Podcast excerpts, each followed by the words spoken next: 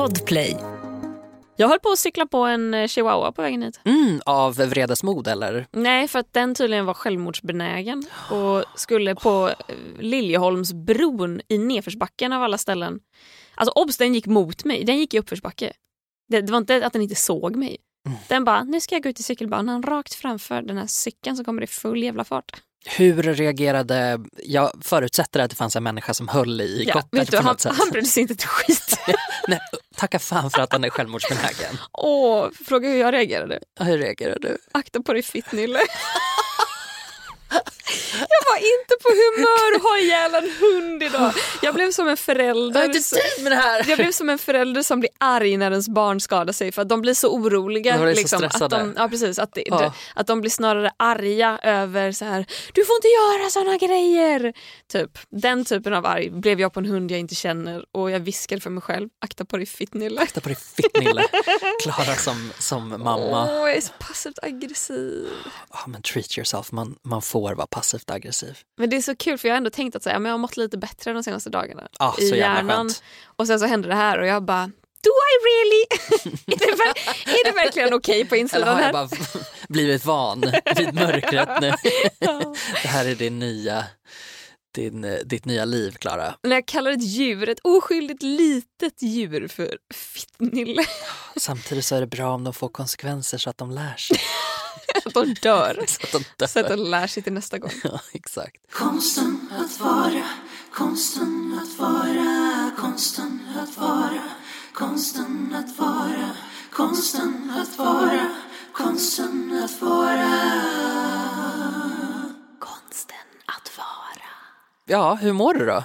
Ja men eh, alltså det är helt okej. Alltså det, det är verkligen... Det eh, rullar. Det rullar och det är ganska skönt att det rullar. Det, det, det tuffar på. Mm. Ehm, Utan punktering. mm. Och eh, jag har börjat eh, renovera mitt badrum. Just ja. Och det var kul. Det var en kul eh, ny eh, upplevelse. Så nu har jag ju flyttat hem till min tjej tillfälligt. Ska bo där i en månad. Hur har eh, urvalet gått inför renoveringen? Hittade du allt du ville ha? Nej allt gud, jag har, inte, jag har inte ens börjat leta Gustav. Nej, jag, okej. jag får ju panik bara jag typ går in på kakelspecialisten.se. Men hur resonerar du här? Tänker du att så här, nej men jag låter dem riva ur skiten först och sen när jag verkligen måste ta ett beslut, då gör jag det? Nej, jag är ju i panik. Jag, jag ringde min pappa i... Ja, de kom idag så jag ringde honom i förrgår när jag började tumma mitt badrum. Och eh, började prata om liksom längd på badkar och ditten och datten. Och, alltså, så här, jag höll ju på att bryta ihop när jag fick veta hur många delar ett handfat består av. En? en? Nej! Nej, alltså du, du tänker hela eh, röret och fästena och grejer. Ja, men alltså, så här, jag trodde att ett handfat, beställer man ett handfat så kommer det ett handfat. Nej, nej. Du måste beställa porslinet. Ah. Du måste beställa blandaren, det vill säga kranen. Du måste beställa, jag har till och med glömt vad det heter. Vad heter den här lilla proppen som man sätter ner? Den är tydligen en manik i sig. För att det ska rinna igenom. Ja, jag vet vad du menar men jag minns inte vad det heter. Sen är det också ett vattenlås och ett rör. Ja. Och pappa bara, du måste fråga rörmokaren vilka delar han kommer med. Och jag bara, men tänk om han säger inga. Ska jag då gå ut och bara, jag ska vilja köpa ett, ett vattenlås tack. Ja, vad ska du? Jag har ingen aning. Ge mig ett vattenlås. Jag vet inte vad det är, men jag, jag behöver det. Jag vill att du och jag färdas tillbaka i tiden, någonstans 2013-2014 och Gustav Jernberg jobbar på Bauhaus. Mm. Förstår du när folk som du kom fram till mig Mm. och sa jag behöver ett nytt läx den här delen som jag inte kommer ihåg vad den heter och Mm. jag bara va? Va? Vad menar du nu? Ja. Det var i och för sig inte det värsta när folk kom med sådana saker. Det värsta var ju när de kom, eh, jag jobbade på verktygsavdelningen och så kom folk och frågade vilken plugg ska jag ha? Mm. Och jag bara, ja det beror på vad du har för material i väggarna. De bara, jag vet inte men den här hyresvärden eh, vet vad de har för väggar. Jag bara, nej alltså jag vet ju inte vad din hyresvärd brukar ha för, för väggar. Är du skön eller? Nej. Och sen bevittnade jag även hur eh, min vaktmästare, eh, jag, tror, jag skulle vilja hävda att det var eh, rasism mot min hantverkare. Eh, grejen var den att jag ringde min vaktmästare i morse för att fråga vart man stänger av vattnet. Och han säger till mig, Ja, men, och du vet så här, som alla vaktmästare är, eller nu ska jag inte dra alla vaktmästare över en kam, men min erfarenhet av vaktmästare är att de är män i övre medelåldern som är ganska tjuriga och eh, är ännu mer tjuriga på människor som inte förstår omedelbart vad skillnaden mellan en bräda och en planka är. Och de gör saker i sin egen takt. Ja, du kan inte verkligen. berätta för honom när han ska göra det här. nej. nej. Grejen är då att, eh, och då säger han ju att så här, ja det gör man ju i källaren och jag bara okej, var i källaren? Jag behöver gå ner och stänga av.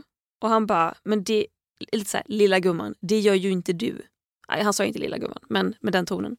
Det gör ju jag och du måste anmäla om det och du måste liksom notifiera dina grannar och jag bara, aha, ja, jo, nu när jag tänker efter, det är klart att jag måste göra det. Jag är ledsen, jag har glömt det. Det har varit så mycket annat med den här renoveringen eh, som, och planera. Och han håller ändå ganska god ton mot mig. Och sen frågar han, men ska du göra Bloody Bloody? Och jag bara, ursäkta? Ja men ska du göra det här i ditt badrum? Och jag bara, jag vet inte. Vad betyder det? Och han bara, ja, har, du, har du rörmokaren eller hantverkaren där så jag får prata med honom? Och jag bara, ja det har jag. Här, sätter på högtalare och ger till Adam som han heter. Som, jag vet inte vart han kommer ifrån men Ryssland kanske. Så han tar mobilen och han bryter på ja, någon, vad det nu är för språk han talar. Eh, men pratar liksom felfri svenska bortsett från dialekten eller vad man ska säga. Och då får han frågan, ska du göra det här? Och han säger, ja det ska vi göra. Eh, när skulle vi kunna stänga av vattnet då? Och han har ju hört vad jag har sagt och han har ju förstått att det har blivit en miss där. Så han säger, när skulle vi kunna göra det här? Och de kommer överens om torsdag och han säger, okej okay, då stänger ni av det på torsdag hela dagen. Varpå min, min vaktmästare är bara så här, nej, hela dagen, nej, nej, nej. Alltså lite så här översittar. Och jag har försökt att härma hans röst när jag pratade med min tjej. Och jag kan inte härma hånfullheten i hans röst. Översittar den här tonen av är du helt jävla dum i huvudet? För han säger vi kan absolut inte stänga av vattnet hela dagen. Och då säger Adam okej okay, men vi, kanske mellan 9 och 1. Och han säger du får, du får 9 till 12. Bara, bara för att... Sista ordet. Ja men verkligen. Han ska bestämma. Och sen säger han Adam också då att så, men det finns eh, jättebra, då säger vi så. Och sen finns det ett element på utsidan av badrumsväggen. Vi skulle behöva stänga av det för att eh, ja, någonting med vatten antar jag. Och då säger min vaktmästare bara, äh, nu får du fan lugna ner dig. Så här, vi kan inte hålla på och så här, du kan inte komma här och göra vad du vill och du kan inte komma här och tro att vi ska stänga av hela huset för din skull. Alltså verkligen den tonen fast, fast värre och jättehånfull. Det är väl inte Adam som har byggt Nej. huset med de ledningarna? Nej, verkligen. Var på, och Adam är bara så snäll och backar och bara okej, okay, då, då behöver vi inte stänga av där. Och sen så lägger de på och jag tittar på Adam och bara vilken attityd han hade. Och Adam ger mig en blick som säger det är inte första gången jag dealar med sån här skit. Och jag har gått och tänkt på det här hela dagen. Jag är så jävla nära på att bara gå ner till mitt lilla vaktmästeri och säga vem fan tror du att du är? Hur fan har du mage att ha den tonen mot en yrkesprofessionell? Ha den mot mig i så fall då som har glömt att vattnet ska stängas av. Ha den inte ens mot mig men om någon av oss förtjänade det så är det väl för fan jag. Jag blev så jävla irriterad. Eh, ja, jag tänker spontant, ja men gör det när det är klart. Mm. Om du har kvar ilskan då. Mm. Annars känns det som en sån gubbe kan ställa till problem. Mm. För det är han ändå som sitter på makten på något sätt. Inte för att vara en tönt. men, men jag tänker spela dina kort rätt Ja. och sen så skäller du ut dem efter notar. Ja, vad ska fan göra det? Det är så dumt också så här, när man anar någonting. Man bara så här, det här hade nog ingenting annat att göra med en va? meningsuppbyggnad. Det här hade nog inte med något annat att göra än att Adam bröt. Nej men Eh, säkert, säkert, jag kan nej. Tänka mig. Fast han hade, så, han hade helt okej ton mot mig. Jaha, han Det bytte det. ton. Han liksom. bytte ton. Han Ja. blev så jävla nedlåtande. Och, och sen, han säger ingenting rasistiskt. Men han är bara en jävla skitstövel. Det är väl det som är grejen med rasism. Ja, det är ju det. Den, är, den här Det är det de- osynliga. Ja men när folk säger så här, jag är inte rasist. Eh, men. Mm. Och så är det så här, nej du kanske inte har sagt någonting nedsättande senaste 24 timmarna men du har ju fan i mig betett dig illa mot någon. Mm. Av den anledningen. Mm. Men det kan man ju aldrig erkänna. Nej, jag skulle aldrig kunna gå till honom och bara sluta vara ett rasistiskt jävla gubbslam. Nej. Det är som att jag nästan vill outa min adress så att alla ska veta att vaktmästaren där är ett rövhål. Jag kommer inte göra det. Nej, Mm. bra.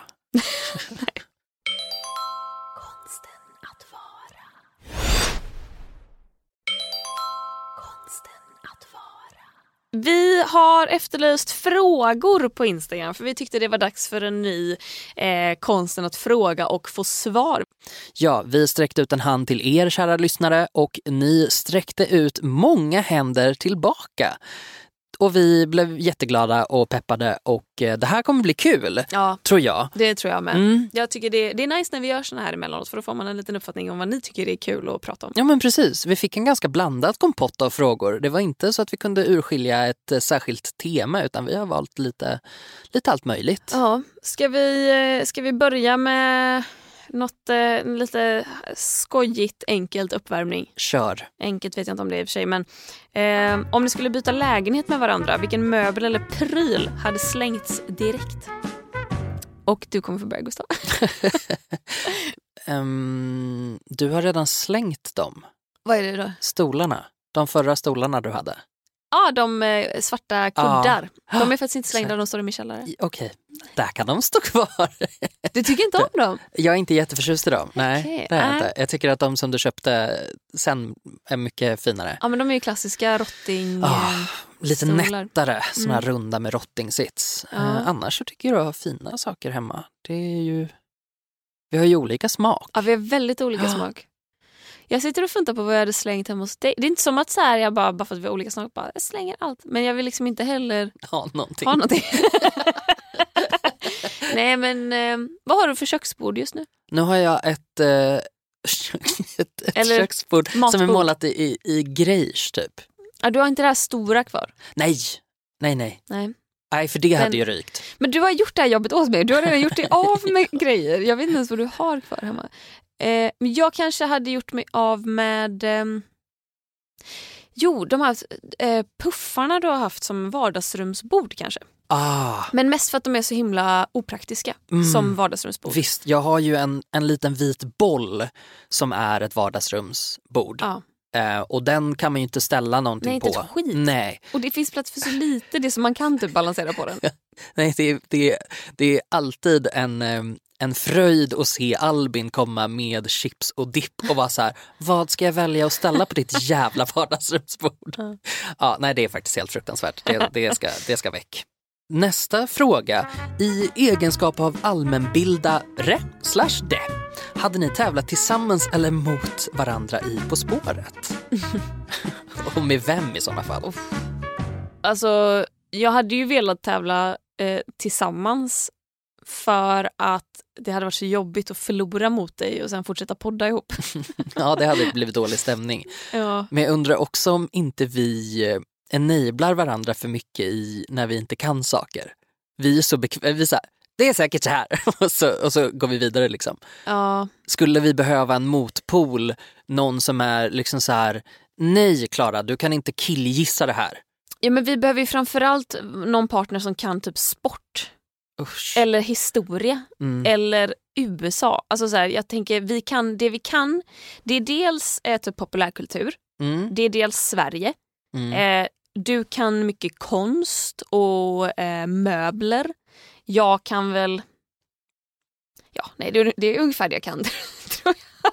Men vi kanske behöver folk som har det här, liksom, någon som är typ Asien-expert. Eller eh, som Men- kan liksom, Som kan nå- någonting. någon som kan någonting.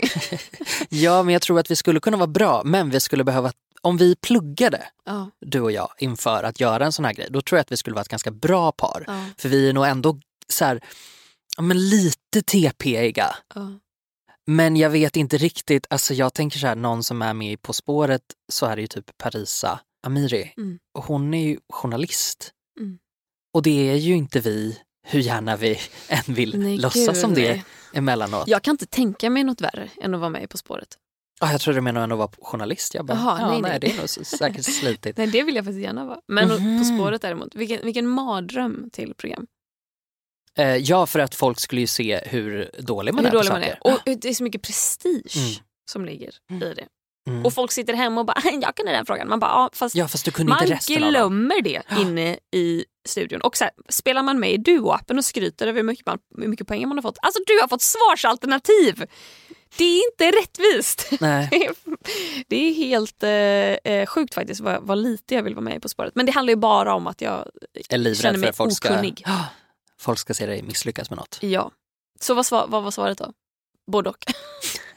Nej, men vi säger ja, vi hade tävlat med varandra. Ja, Ja, vi vågar för vi tro på hade, varandra. ja, vi vågar tro på varandra och vi hade haft tid att plugga innan Mm. och då hade vi suttit där med, med nationalencyklopedin. Slumpat fram och- Wikipedia-sidor i veckor och Jättebra. gråtit. Vill ni ha barn? Hur ligger vi till på den fronten? Det var länge sedan vi pratade om det. Vi borde ägna ett avsnitt åt det snart. Ja, igen. det tycker jag att vi kan göra.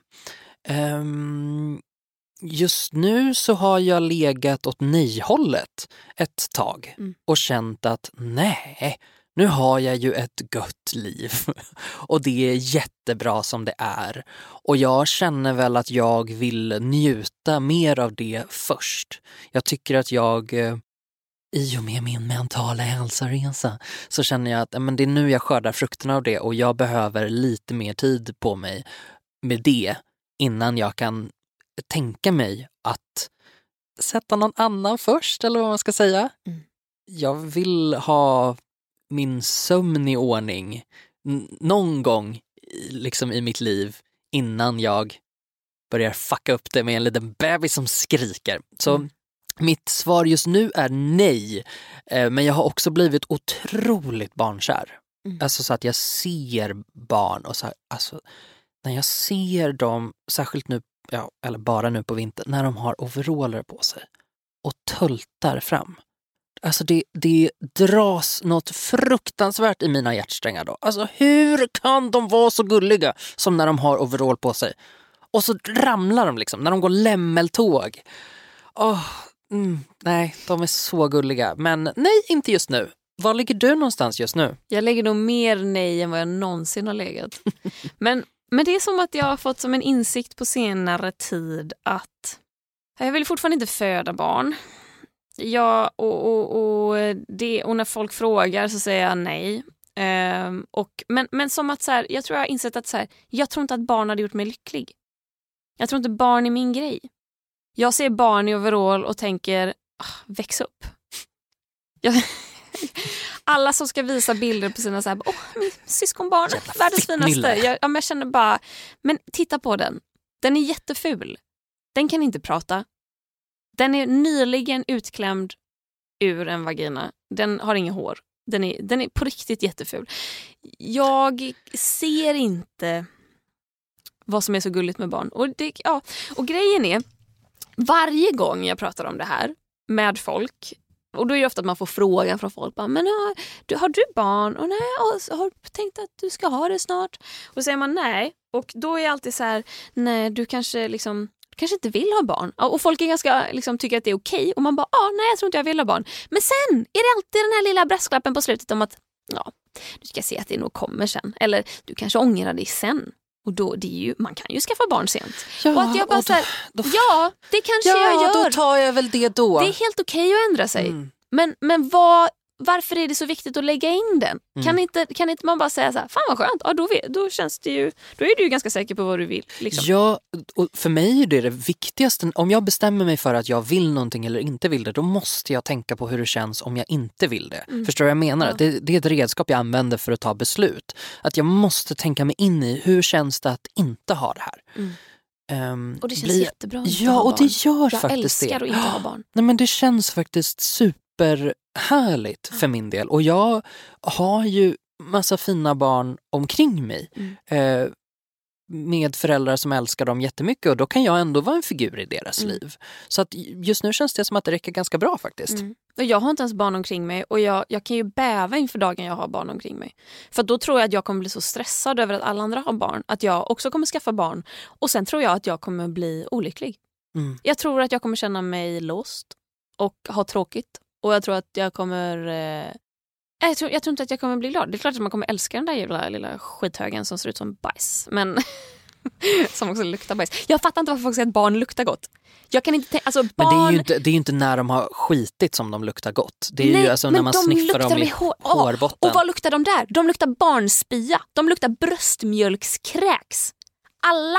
Jag kan kliva in på en förskola, alltså, och det här det gör jag ju inte på en daglig basis kanske. Men Thomas, som eh, från Du klarar mer än du tror, PT-Thomas, han har sin eh, crossfit-studio, eller box eller vad fan det heter, alltså dörr i dörr med en förskola. Så att man känner ju lukten från förskolan och allt jag känner är lukten av små barn och allt de luktar är bröstmjölksspya. Det luktar så jävla äckligt, eller kissblöja. Mm. Jag är inte, alltså så här, du hör hur lite jag vill ha barn. Ja, nej, alltså det, det, det är eh, smärtsamt eh, klart. Ja. Och vet du, då ska jag bara avsluta med det skönaste fick jag höra för några veckor sedan. För då pratade jag med en makeupartist. Eh, och det är ofta där man pratar om barn. Man sitter där och blir sminkad, man kan inte fly. Men det är som en frisör. Mm. Alltså så här att de bara, hur tänker du på det här och vad gör du med, trivs du med det? Man bara, Har du, har du barn? Du är Mm. i den åldern? Nej, du vill inte ha. Och då, och då sa hon ju det här, bara, men vet du det kommer nog med, med tiden kanske. Samtidigt säger en annan makeupartist i samma rum, som är väl 45 någonting, hon bara, jag känner precis som du Klara, jag har alltid känt så. Alltså från att jag var 16 när folk började säga ah, barn och man. Typ. Hon bara, jag har aldrig känt att jag vill ha barn och den känslan har inte försvunnit. Och vet du, jag har syskonbarn. De kan jag gå och gosa med när jag tycker att barn är gulliga. Men alla andra gånger så sitter jag hemma och är så jävla glad att jag inte har barn. Och jag bara, fy fan vad skönt! Äntligen någon som säger det. För det är ju bara de som har barn själva som bara, ja det kommer nog. Mm. Eller som vill ha barn. Det är de som har den här längtan och jag fattar att folk har den längtan. Men fan vad uppfriskande det var att höra någon som inte har barn bara, vet du jag har aldrig känt det och jag är skittacksam för det. från en stor fråga till en annan. Är det okej med tomater i pasta carbonara? Frågar vi killar, trademark. Eller Boys TM. frågar vi... Alltså, Vi frågar Klara. jag har ju förstått genom att lyssna på Flashback Forever att eh, carbonara är en hett omdiskuterad rätt. Med en regellista på, på rätt och fel. Ja, precis. Carbonara killar liksom. Ja. Mm. Jag eh, kan ju inte äta carbonara för att jag äter inte kött och jag tycker att det är jätteäckligt vegetariskt. Så jag kommer dra till med ett ja. Ah, det gör du. Vad är du till? Nej. Alltså, jag kunde inte bry mig mindre. Nej. Jag är så trött, för att det här händer mig ganska ofta. Att folk säger va? Gör du så där med maten? Nej! Och så kommer det liksom något så här och man bara, "Ä, alltså jag orkar inte. Mm. Nej men jag orkar inte det här. Ja, jag äter bruna bönor och fläsk. Mm. Jag tycker inte att det är konstigt. Jag, tycker liksom inte att, jag vet, jag har fått reaktioner på, har du ätit, vad fan heter det då? Rågsiktskaka. Nej. Nej, det är ett väldigt gott bröd och det här brödet kan man äta med sirap. Det är en sån där typisk grej som, som kanske framförallt barn äter då, men det är väldigt gott liksom. Och det där är en sån grej som jag bara, men det är ju typ en traditionsgrej. Man kan äta det så. Folk bara, va? Gud äckligt, kan inte sirap på bröd. Man bara, men man kan göra precis vad fan man vill. Om du Ja. vill ha ketchup på din glass så kan du göra det. Ja, och jag känner lite så här, om det nu är så förbjudet att ha... För att jag, men det det här, är den, här, den här frågan måste ju komma från någon som tycker att det är strikt förbjudet. Eh, och vill berätta att den kan sin carbonara Ja. på något sätt.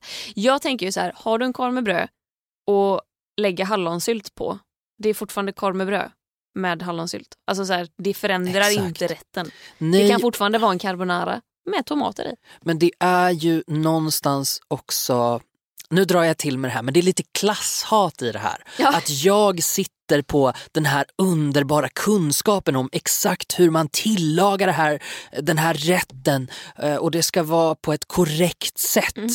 Eh, ursprungssättet och det är lite finare än vad fan du håller på med med din jävla version av det. Mm. Och jag säger nej till det här förtrycket och ja till vad fan du vill ha i din jävla carbonara. Häll på det. En carbonara kan vara vad som helst. Men Nej, för att då blir det falukorvsdiskussionen och en falukorv är inte en falukorv Nej. om den inte består av vissa saker. Men herregud, en frukt hit och är tomater en frukt? Nej det är inte. En grönsak jo, hit jag tror det är en frukt. En frukt hit och dit. Skitsamma. Bra svar. Då har vi rätt ut det. Ja det har vi. Eh, det är en som frågar, hur kom du dit du är idag? Låter klyschigt men jag har inte följt dig så länge. Fick den på min Instagram. Jag tyckte så här, eh, det kan man ta reda på på massa olika sätt. Eh, för jag har pratat om det i 3000 intervjuer. Men jag tänker att vi kan ställa den frågan i form av typ inspirational Mhm. eh, syfte. Att, så här, hur kom vi dit vi är idag? Har vi, har vi gjort något bra som vi har insett i efterhand? Att fan vad det där var ett bra steg i min karriär. Mm. Vill du börja? Eh, ja, jag är ju på den positionen där jag är idag. Det är ju alltså hårt arbete kan man ju verkligen säga. Men jag tog en, en chans när jag var runt 25 tror jag att jag fick ett jobb på ett helt nystartat brand där jag gick in och jobbade och gjorde ett, ett ganska stort omfattande jobb. Och det här var egentligen lite kanske tidigare än jag skulle ha, ha gjort det steget i, i min karriär. Um, så här i efterhand liksom. Men, uh, men nu när jag sitter på den kunskapen och kompetensen och på den arbetsplatsen som jag har idag så är jag jätteglad för det. Så att jag skulle säga att det är liksom det stora risktagandet som jag har gjort i nutid ändå någonstans, ehm, det var att jag, att jag bytte arbetsplats från en ganska trygg arbetsplats och så kastade jag mig in i det och var så här, nu kör vi. Och satan vad jag körde. Så det, det kan vara en härlig grej att komma ihåg. Nu är det inte rätt läge att byta jobb kanske eftersom det är en pågående pandemi och man vet liksom inte, särskilt inte i den kreativa mediebranschen. Liksom. Men snälla människa, det är andra gången du drar ner din jävla mobil. Oh, obs, det är alltså mig själv jag säger till. Ja, det var inte, det var inte till, till mig. Um, nej, men jag, jag tror i regel att allting löser sig mm. när det gäller jobb. Du kan alltid flytta på dig.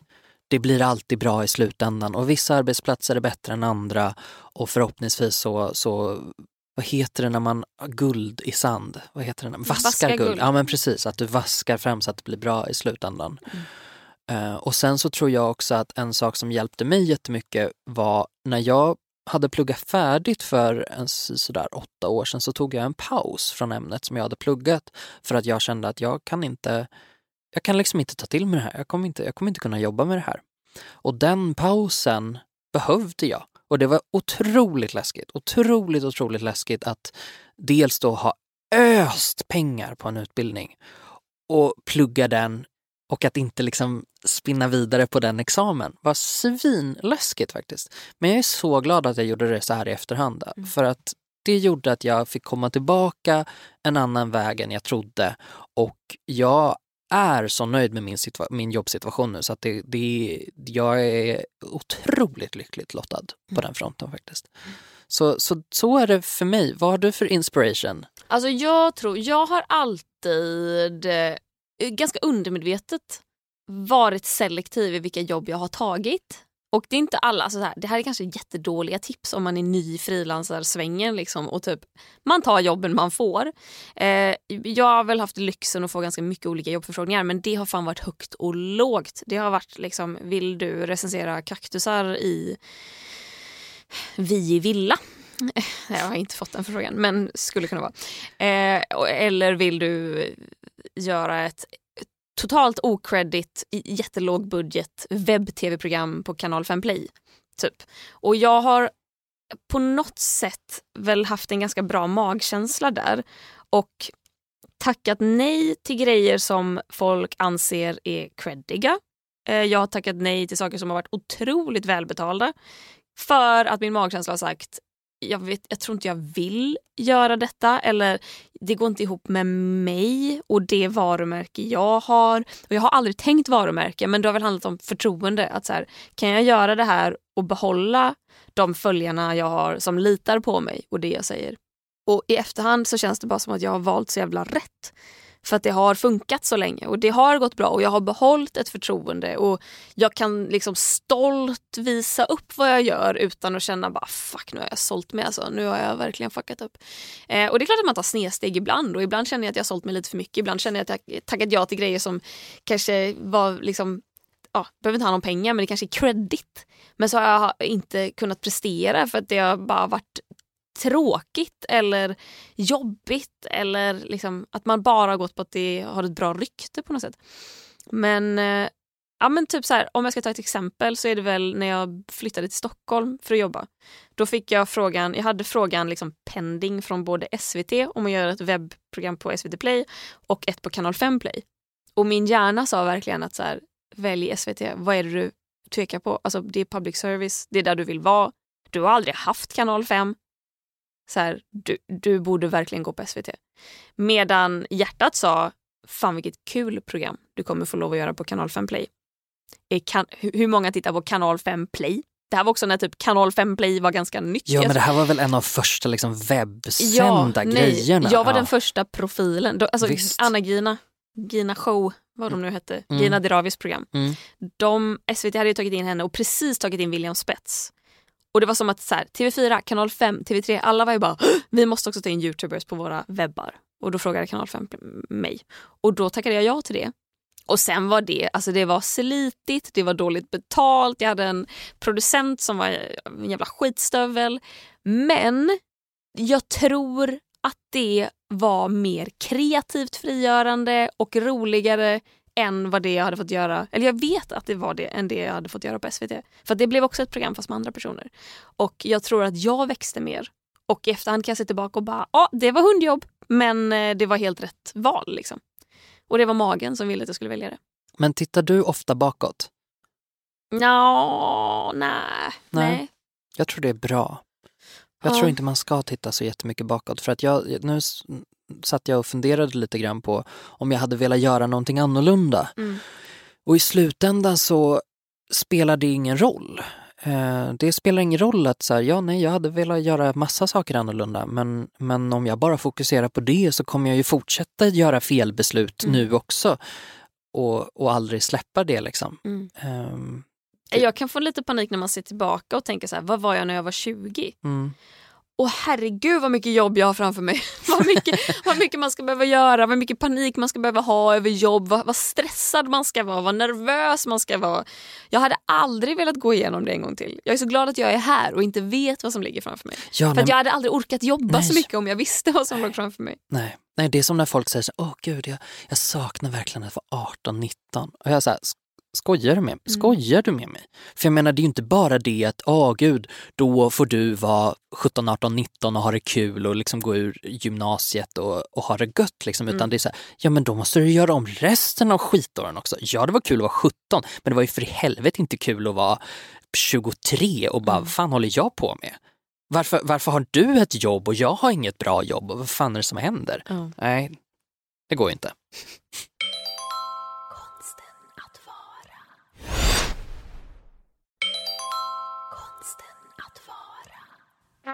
Om du fick ändra tre saker med Sverige, vad skulle Mm. du välja? Oj, oj, oj. Ehm, jag hade väl, jag hade ju höjt eh, löner för alla som jobbar inom sjukvården. Obs, inte privat sektor utan alltså landstingsfinansierad sjukvård. För att eh, jävlar vad de är underfinansierade och jävlar vad det är en samhällsbärande, eh, vad kallar man det, samhällsbärande Funktion? funktion, exakt. Sen hade jag, jag vet inte, kan vi ta varannan så man får tid att tänka? Ja, men jag är väl på samma, eller jag är också inne på sjukvården. Jag Mm. skulle ju helst inte ha vinster i välfärden. Eh, och jag är inte stormförtjust i eh, regionerna och deras jobb. Ehm, jag tror inte att det är ett så himla bra system som jag använder. Mm. Så det hade jag jättegärna gjort, gjort om, gjort rätt. Ehm, jag är ju i synnerhet missnöjd med hur Region Stockholm sköter sjukvården här. Ehm, det går inte. Det går inte toppen för dem. De är väldigt eh, förtjusta i privatiseringar och, och, och jag kanske är Alltså så här, av princip skulle jag inte behöva vara emot det så. Det skulle kunna det skulle kunna funka men det funkar ju inget bra nu liksom. Mm. Ehm, så, så vinster i välfärden slash eh, göra om, göra rätt regionerna.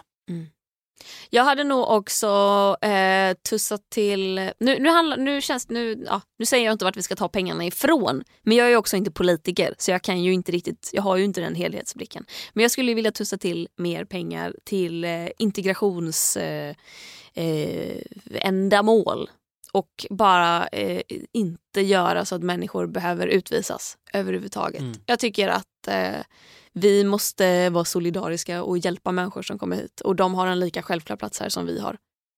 Sen vet jag inte hur man gör det. men liksom Nej, men boenden inte och bara, och bara liksom, jag vet Mm. inte hur man jobbar med integration men shit vad, vad, vad vi kan göra bättre. Herregud, Mm. vi är sämst på det. Ja, det är vi inte så himla bra på. En eh, mindre viktig punkt som jag tyvärr håller med Sverigedemokraterna om. Mm. Eh, bygg mer klassiskt.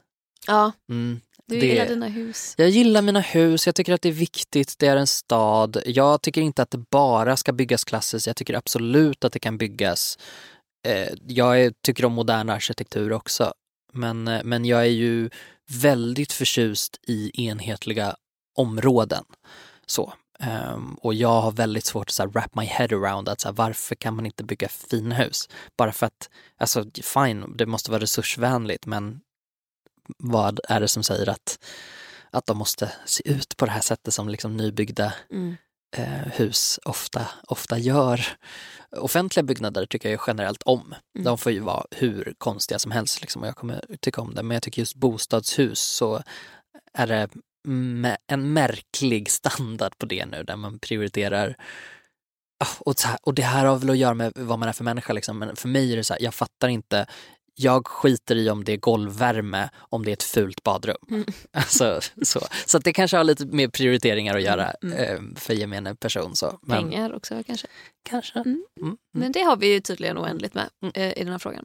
Jag hade slutligen även eh, infört någon form av eh, obligatorisk jämställdhetsutbildning för alla lärare och att det sen blir en tydlig del i läroplanen och hur man jobbar jämställt och genusutbildande i klassrummen. I alla ämnen Mm. hade jag velat. Vi hade fan ett ämne som hette Ja, men typ, vi hade en timme varje vecka där kuratorn, och vi hade världens fan bästa kurator. Hon var jätteung, hon var typ 30 år.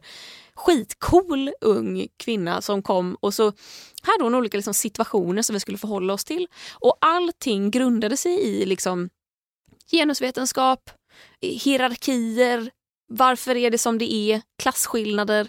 Och det var, alltså, man gick alltid ifrån den timmen med en så jävla bra känsla i magen. Och typ så här, det, då kändes det som att det inte fanns några skillnader mellan någon i klassen. Och sen så gick det några timmar och sen var de brötiga killarna återigen de brötiga killarna.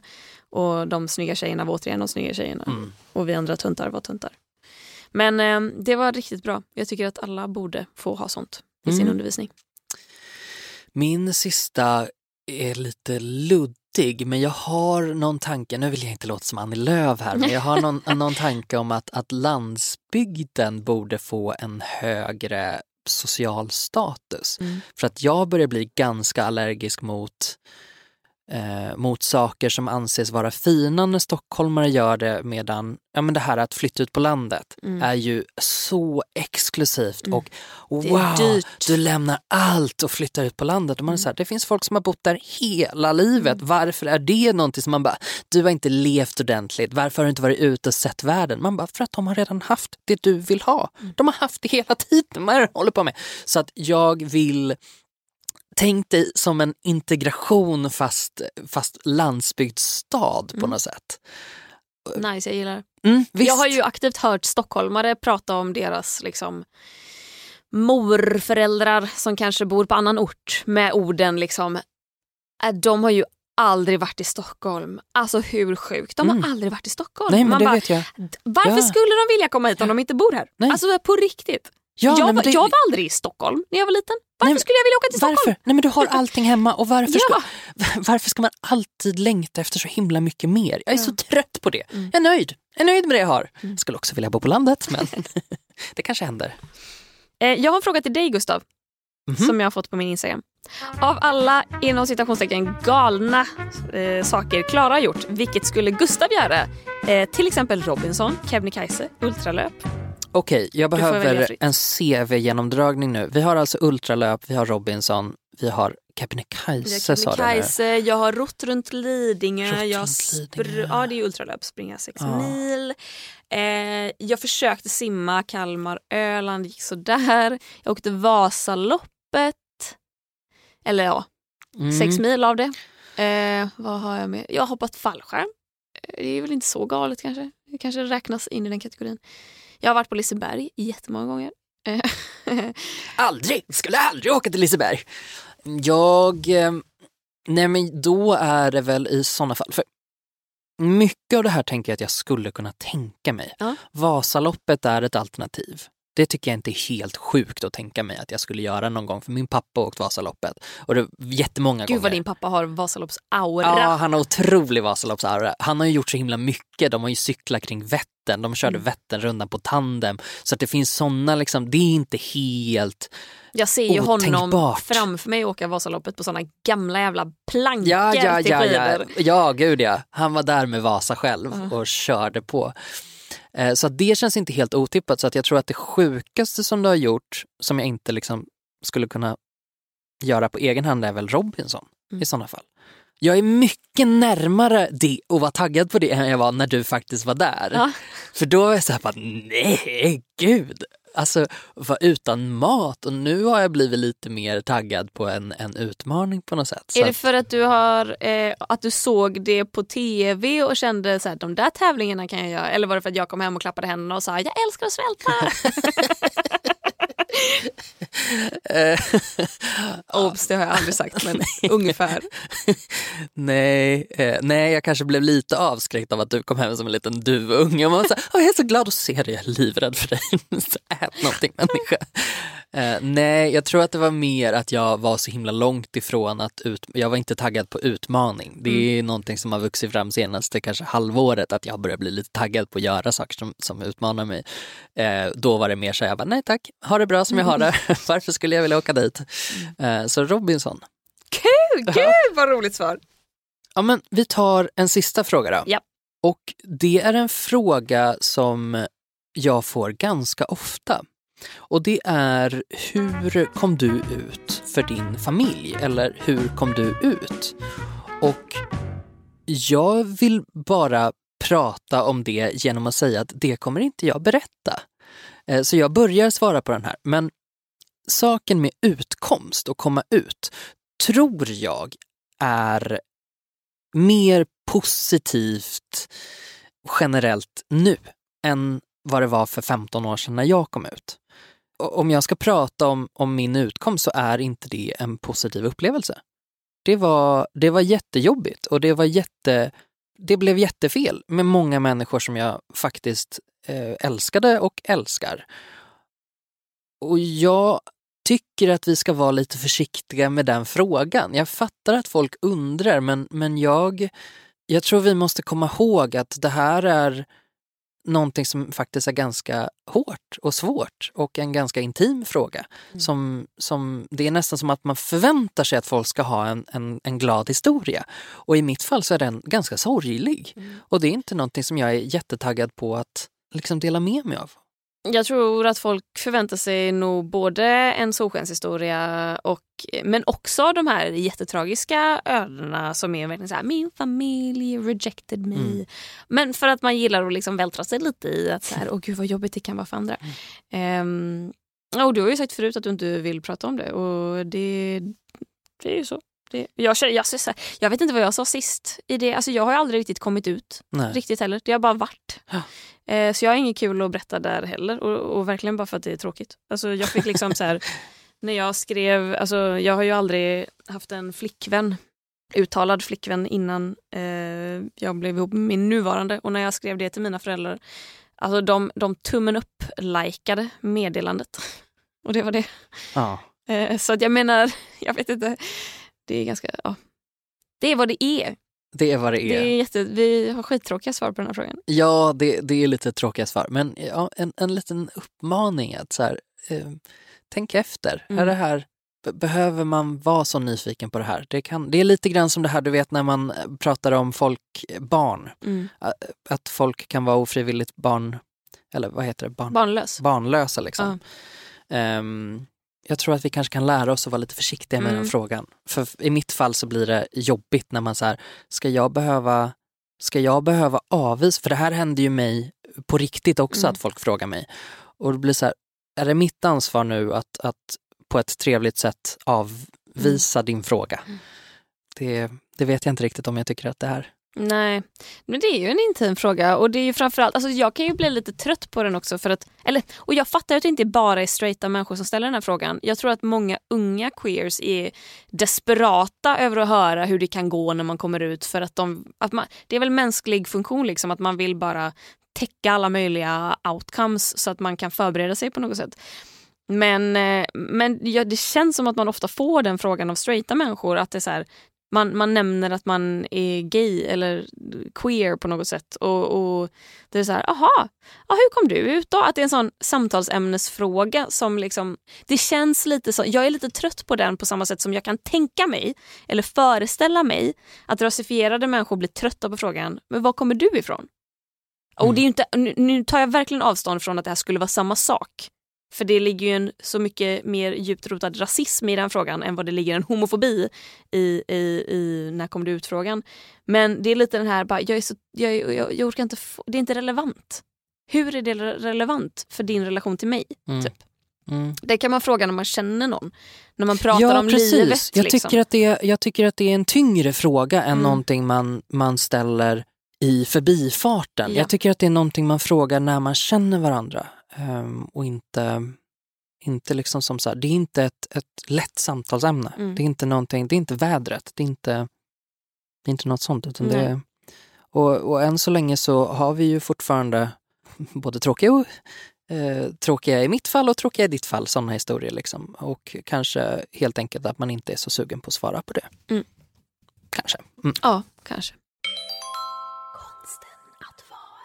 Har du något moment of the week? Ja, det har jag. Eh, jag eh, skulle åka hem från eh, Boden där vi filmar Lasse Majas detektivbyrå säsong två. Jag har fått jättemycket frågor om när den kommer ut på More. Jag har ingen aning. Alltså, jag, jag vet aldrig. Jag är bara glad att jag får lov att säga att det är det vi gör där uppe. Ah, man, kul. man får aldrig säga sånt annars förrän när det är dags för sändning. Men ja, jag, jag gissar i sommar kanske. Och eh, då eh, fick jag frågan, vill du åka flyg hem tidigt på morgonen eller vill du ta nattåget kvällen innan? Och jag bara, uff, givetvis vill jag ta nattåget. L- liksom krypa till kojs. Bokstavligt talat en liten koja på ett tåg och så vaknar jag och så är det morgon och så är jag framme. Jag kan inte tänka mig någonting skönare. Tji fick jag. När det här tåget kränger till höger och vänster hela jävla natten. Alltså jag, jag vaknar så många gånger. Jag vaknar av att jag aktivt glider av min kudde för att sen glida tillbaka upp på den när tåget kränger. Och i varje jävla liten, liten sväng så låter det Alltså, de Och det är bara konduktören. och det är bara eh, mina fisar. Nej, det, är, alltså, det låter så jävla mycket. Och sen så är det någon jävla, jag vet inte vad det är ens en gång, men kanske ventilation eller någon sån vatten inne på toan. Alltså det är någonting som bara... Och sen när det är väldigt tyst, när tåget står still där någon gång mitt i natten, då vaknar jag ju för fan av det också. Mm. För då är det så tyst och stilla. Jag sov, alltså jag fick Robinson-vibbar. När man sov på en kal strand i 12 plusgrader utan liksom andra kläder än en hoodie och typ funktionsbyxor. Och vaknade oavbrutet och mådde skit. Jag Alltså, blev så otaggad på Robinson igen. de vibbarna fick jag av det här jävla nattåget. Och jag tror inte, alltså så här, sen vill jag också bara, åk nattåg. Det är mycket bättre än att flyga. Smittsäkert på ett så mycket bättre sätt. Ja. Men jag blev otaggad av det här jävla nattåget.